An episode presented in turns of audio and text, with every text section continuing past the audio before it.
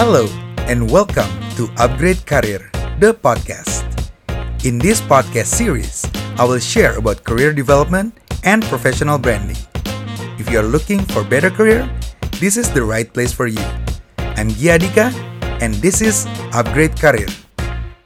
Hai semuanya, ketemu lagi di episode baru Upgrade Career bersama saya Gia Adika.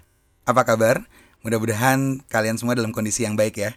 Karena memang di tengah kondisi pandemi kayak gini, kita rentan banget ngerasa stres atau juga suntuk gitu sama keadaan. Dan semoga podcast-podcast saya bisa menghibur teman-teman semua, tapi sekaligus juga ngasih manfaat ya. Oke, di episode kali ini kita akan ngebahas spesial tentang CV atau kurikulum vitae. Nah, teman-teman semua yang lagi job hunting pasti sibuk banget kan? Entah itu ngerapiin CV-nya atau ngumpulin berbagai informasi untuk dimasukin ke CV sebelum mulai dikirim-kirim gitu. Atau kalau yang males biasanya cuman kayak sekedar kirim-kirim aja tanpa dilihat-lihat lagi CV-nya. Padahal kalau CV itu harusnya selalu diupdate. Nah, makanya hari ini saya akan ngebahas secara khusus tentang CV biar teman-teman semua bisa tahu lah kurang lebih apa aja sih yang harus kita update dari CV dan nanti saat CV-nya dikirim udah ready untuk dibaca oleh recruiter. Sebenarnya apa sih yang namanya CV? Pasti teman-teman semua udah tahu lah ya kalau CV itu kepanjangan dari curriculum vitae. Tapi apa sebenarnya CV ini? Jadi CV itu diambil dari bahasa Latin. Kalau diistilahkan dalam bahasa, itu artinya adalah course of life. Jadi isinya adalah overview dari skill kita, pengalaman kerja, dan juga achievement akademik. Gak cuma itu, CV biar lebih punya makna itu harus dilengkapi juga sama personality atau kepribadian kita. Saya mengistilahkannya sprinkle it a little bit with your personality. Jadi harus sedikit dikasih percikan-percikan kepribadian. Biar saat dibaca itu menarik dan punya makna. Ngomongin soal CV, Pasti juga banyak di antara teman-teman sini yang bingung ngebedain antara CV sama resume. Karena ada yang bilang, ayo kirim CV kamu, atau ayo kirim resume kamu. Sebenarnya apa sih bedanya CV sama resume? Oke, pada dasarnya CV dan resume itu sama. Secara umum di dunia.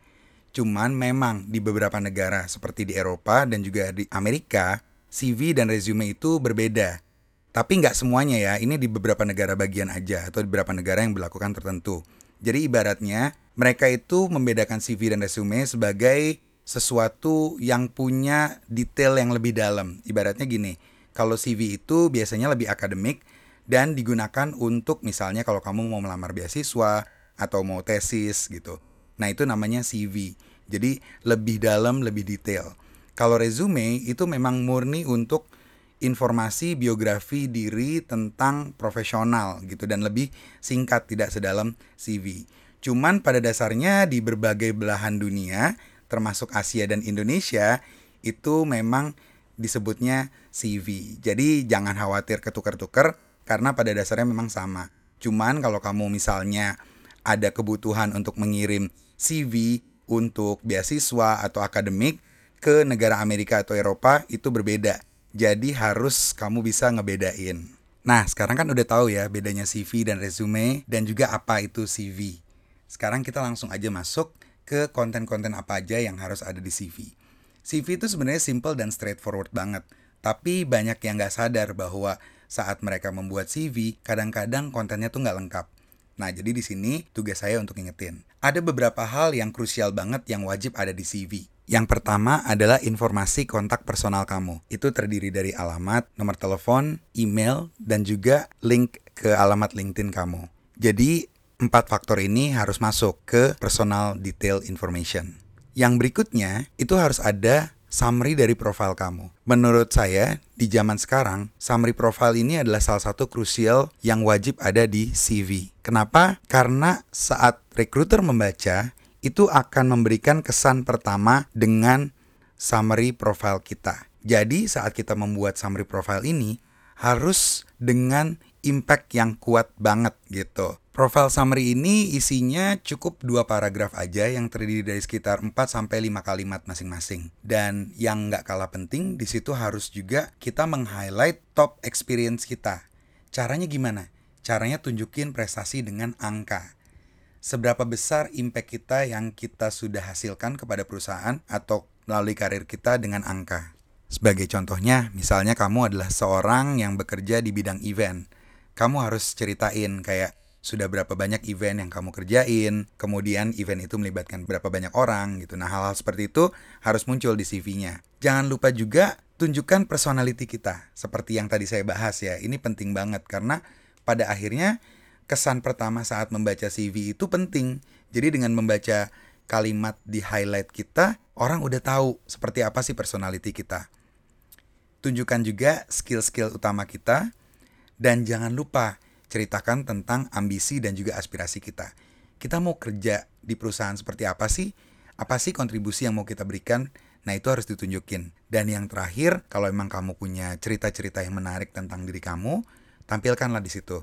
Yang bisa menginspirasi orang untuk membuat mereka penasaran sama diri kamu. Setelah summary dari profil kamu, sekarang masuk ke sesuatu yang lebih detail, yaitu pengalaman kerja atau job experience. Di job experience ini penting banget untuk diurut sesuai dengan tahun saat ini sampai yang terlama. Nah, itu harus ditampilkan juga job title yang jelas dan benar gitu. Kemudian responsibility utamanya apa? Dan sama seperti tadi di highlight yaitu tunjukkan experience kunci kamu dengan angka dan hasil. Yang gak kalah penting, kalau kita menghandle project-project besar, ditulis juga tuh top projectnya apa aja. Lalu, impact yang sudah kita berikan untuk perusahaan. Bagian-bagian lain yang juga harus ada adalah pengalaman-pengalaman tambahan kamu. Misalnya, udah terlalu banyak nih pengalaman yang kamu tampilkan di job experience. Cukup tuliskan aja title-title secara rangkuman di other experience. Lalu diikuti dengan edukasi. Nah, edukasi ini juga harus berurutan dari yang paling terakhir sampai yang paling lama. Jangan lupa di edukasi itu ditulis gelarnya apa, kemudian nilainya berapa. Tapi saya menyarankan kalau kamu memang mau menampilkan nilai, nilai itu emang harus yang bagus ya. Let's say kalau kamu kuliah ya IPK di atas 3 itu masih oke okay untuk ditampilkan. Tapi kalau di bawah 3, saya sarankan untuk tidak ditampilkan di situ. Yang gak kalah penting yang harus ada di CV juga adalah diploma dan sertifikasi. Ini harus kamu tunjukkan juga gitu kalau kamu punya pelatihan-pelatihan yang pernah kamu ikuti dan lain-lain itu ditampilkan gitu. Nah, yang lainnya adalah skills. Jadi kemampuan-kemampuan kamu juga harus di list di situ secara lengkap gitu biar recruiter saat membaca tahu apa aja yang menjadi key skills kamu baik itu soft skills maupun hard skills yang technical. Hal lain yang juga nggak kalah penting untuk ditampilkan adalah organisasi. Zaman sekarang sangat penting sekali ya bagi seorang recruiter untuk melihat bahwa calon kandidat itu punya pengalaman yang baik di sisi organisasi. Karena itu memiliki arti bahwa seorang kandidat itu aktif tidak hanya di dunia kerja atau di dunia kampus, tapi di luar itu. Jadi makanya kalau kamu punya organisasi yang apalagi bergerak di bidang sosial, itu harus ditampilin gitu. Dan yang terakhir itu list project-project atau juga achievement kamu, misalnya pernah nulis buku, pernah ikut project apa, nah itu harus ditulis di situ. Barusan saya membahas tentang konten-konten yang ada di CV. Nah, konten-konten ini saat udah dimuat di CV, penting banget untuk diformat secara baik. Jadi, saat kamu akan memformat CV, pastikan formatnya itu simple, kemudian mudah dibaca. Banyak zaman sekarang yang membuat formatnya itu pakai divider atau dibelah dua. Sebenarnya saya tidak terlalu merekomendasikan. Karena jujur aja itu membuat mata pembaca jadi lelah. Jadi bikin aja semuanya jadi satu baris sehingga saat orang baca itu dari atas ke bawah semuanya jelas dan urutannya lengkap. Kalau tadi udah dibahas tentang hal-hal yang harus ada di CV kan. Sekarang saya mau cerita dikit tentang beberapa hal yang sebaiknya tidak ada di CV. Ini sebenarnya juga preferensi sih karena banyak yang mungkin berpikir bahwa CV itu harus menampilkan hal-hal berikut ini. Tapi menurut saya pribadi, hal-hal berikut ini adalah sesuatu yang jangan ditampilkan. Kenapa? Karena CV modern itu hanya menampilkan bakat keterampilan dan juga pengalaman kerja kita gitu. Bukan hal-hal yang tidak esensial. Saya mau contohin nih beberapa hal-hal yang tidak esensial. Misalnya, yang pertama foto. Dua adalah lokasi, tanggal lahir. Lalu agama, lalu gender, dan juga bahkan ada yang sampai menuliskan histori atau sejarah dari gajinya mereka. Itu nggak penting banget, jadi sebaiknya tidak ada di CV. Kenapa sih foto, tempat tanggal lahir, agama, dan gender itu nggak harus ada di CV? Karena di era modern seperti saat ini, seorang rekruter itu sebenarnya tidak diperbolehkan untuk memilih berdasarkan faktor-faktor tadi yaitu untuk menghindari diskriminasi. Bahkan ada beberapa peraturan di luar sana yang melarang seorang rekruter untuk merekrut orang berdasarkan faktor-faktor yang diskriminatif. Jadi saya saranin jangan di-include.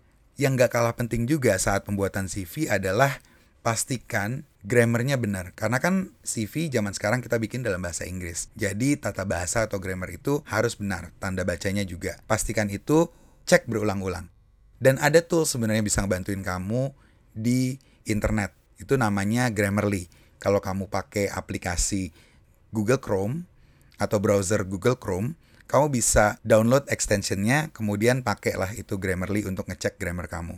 Dan yang berikutnya, yang tidak direkomendasikan adalah berbohong di CV. Jadi pastikan semua informasi-informasi yang kamu tulis di CV itu adalah informasi yang benar. Saat membuat CV atau memperbaiki CV, pastikan juga kamu perhatikan beberapa hal berikut ini. Yang pertama, pastikan kalau CV kamu itu simple dan juga padat kalimat-kalimatnya. Jadi jangan terlalu bertele-tele. Dua, formatnya harus mudah dibaca. Jadi tadi saya sudah cerita dikit, sebaiknya dibuat jadi satu row, jadi jangan pakai divider. Tiga, Gak usah eksperimen aneh-aneh pakai font ukuran-ukuran yang super besar atau yang super kecil. Biasanya normalnya 10 sampai 14. Pilihan jenis font juga sangat penting. Gak usah pakai font yang bentuknya mungkin terlalu keriting-keriting atau aneh-aneh. Kayak dulu waktu masih SMA saya seneng pakai font Comic Sans yang agak kekanak-kanakan gitu. Mungkin yang normal-normal aja lah. Pakainya Arial, Times New Roman, format font yang mudah dibaca dan orang juga uh, ngelihatnya enak gitu. Pastikan juga setelah kamu selesai membuat CV-nya, itu harus dicek ulang biar akurat. Selain kita cek sendiri, kita juga harus minta bantuan sama orang. Nah, orang yang diminta bantuan ini pastikan juga orang yang berpengalaman. Misalnya senior kita atau teman kita yang mungkin level pekerjaannya sudah senior di kantornya biar mereka bisa kasih masukan-masukan yang baik juga untuk kita. Yang gak kalah penting itu pastikan CV kamu up to date. Jadi jangan pakai informasi-informasi yang sudah usang atau tidak diperlukan. Dan yang terakhir, CV itu nggak usah banyak-banyak. Jadi maksimum halamannya adalah tiga. Idealnya dua gitu. Tapi kalau memang informasinya sudah sangat banyak, dibuatlah maksimum 3 halaman. Oke, okay, itu dia tips-tips simple tentang CV yang bisa kamu praktekkan saat membuat atau merapikan CV kamu. Mudah-mudahan bermanfaat dan pastikan kamu mengikuti tips-tips yang saya sampaikan tadi. Cukup demikian untuk episode Upgrade Karir kali ini. Selamat merapikan CV dan sampai jumpa di episode berikutnya. Salam Upgrade Karir.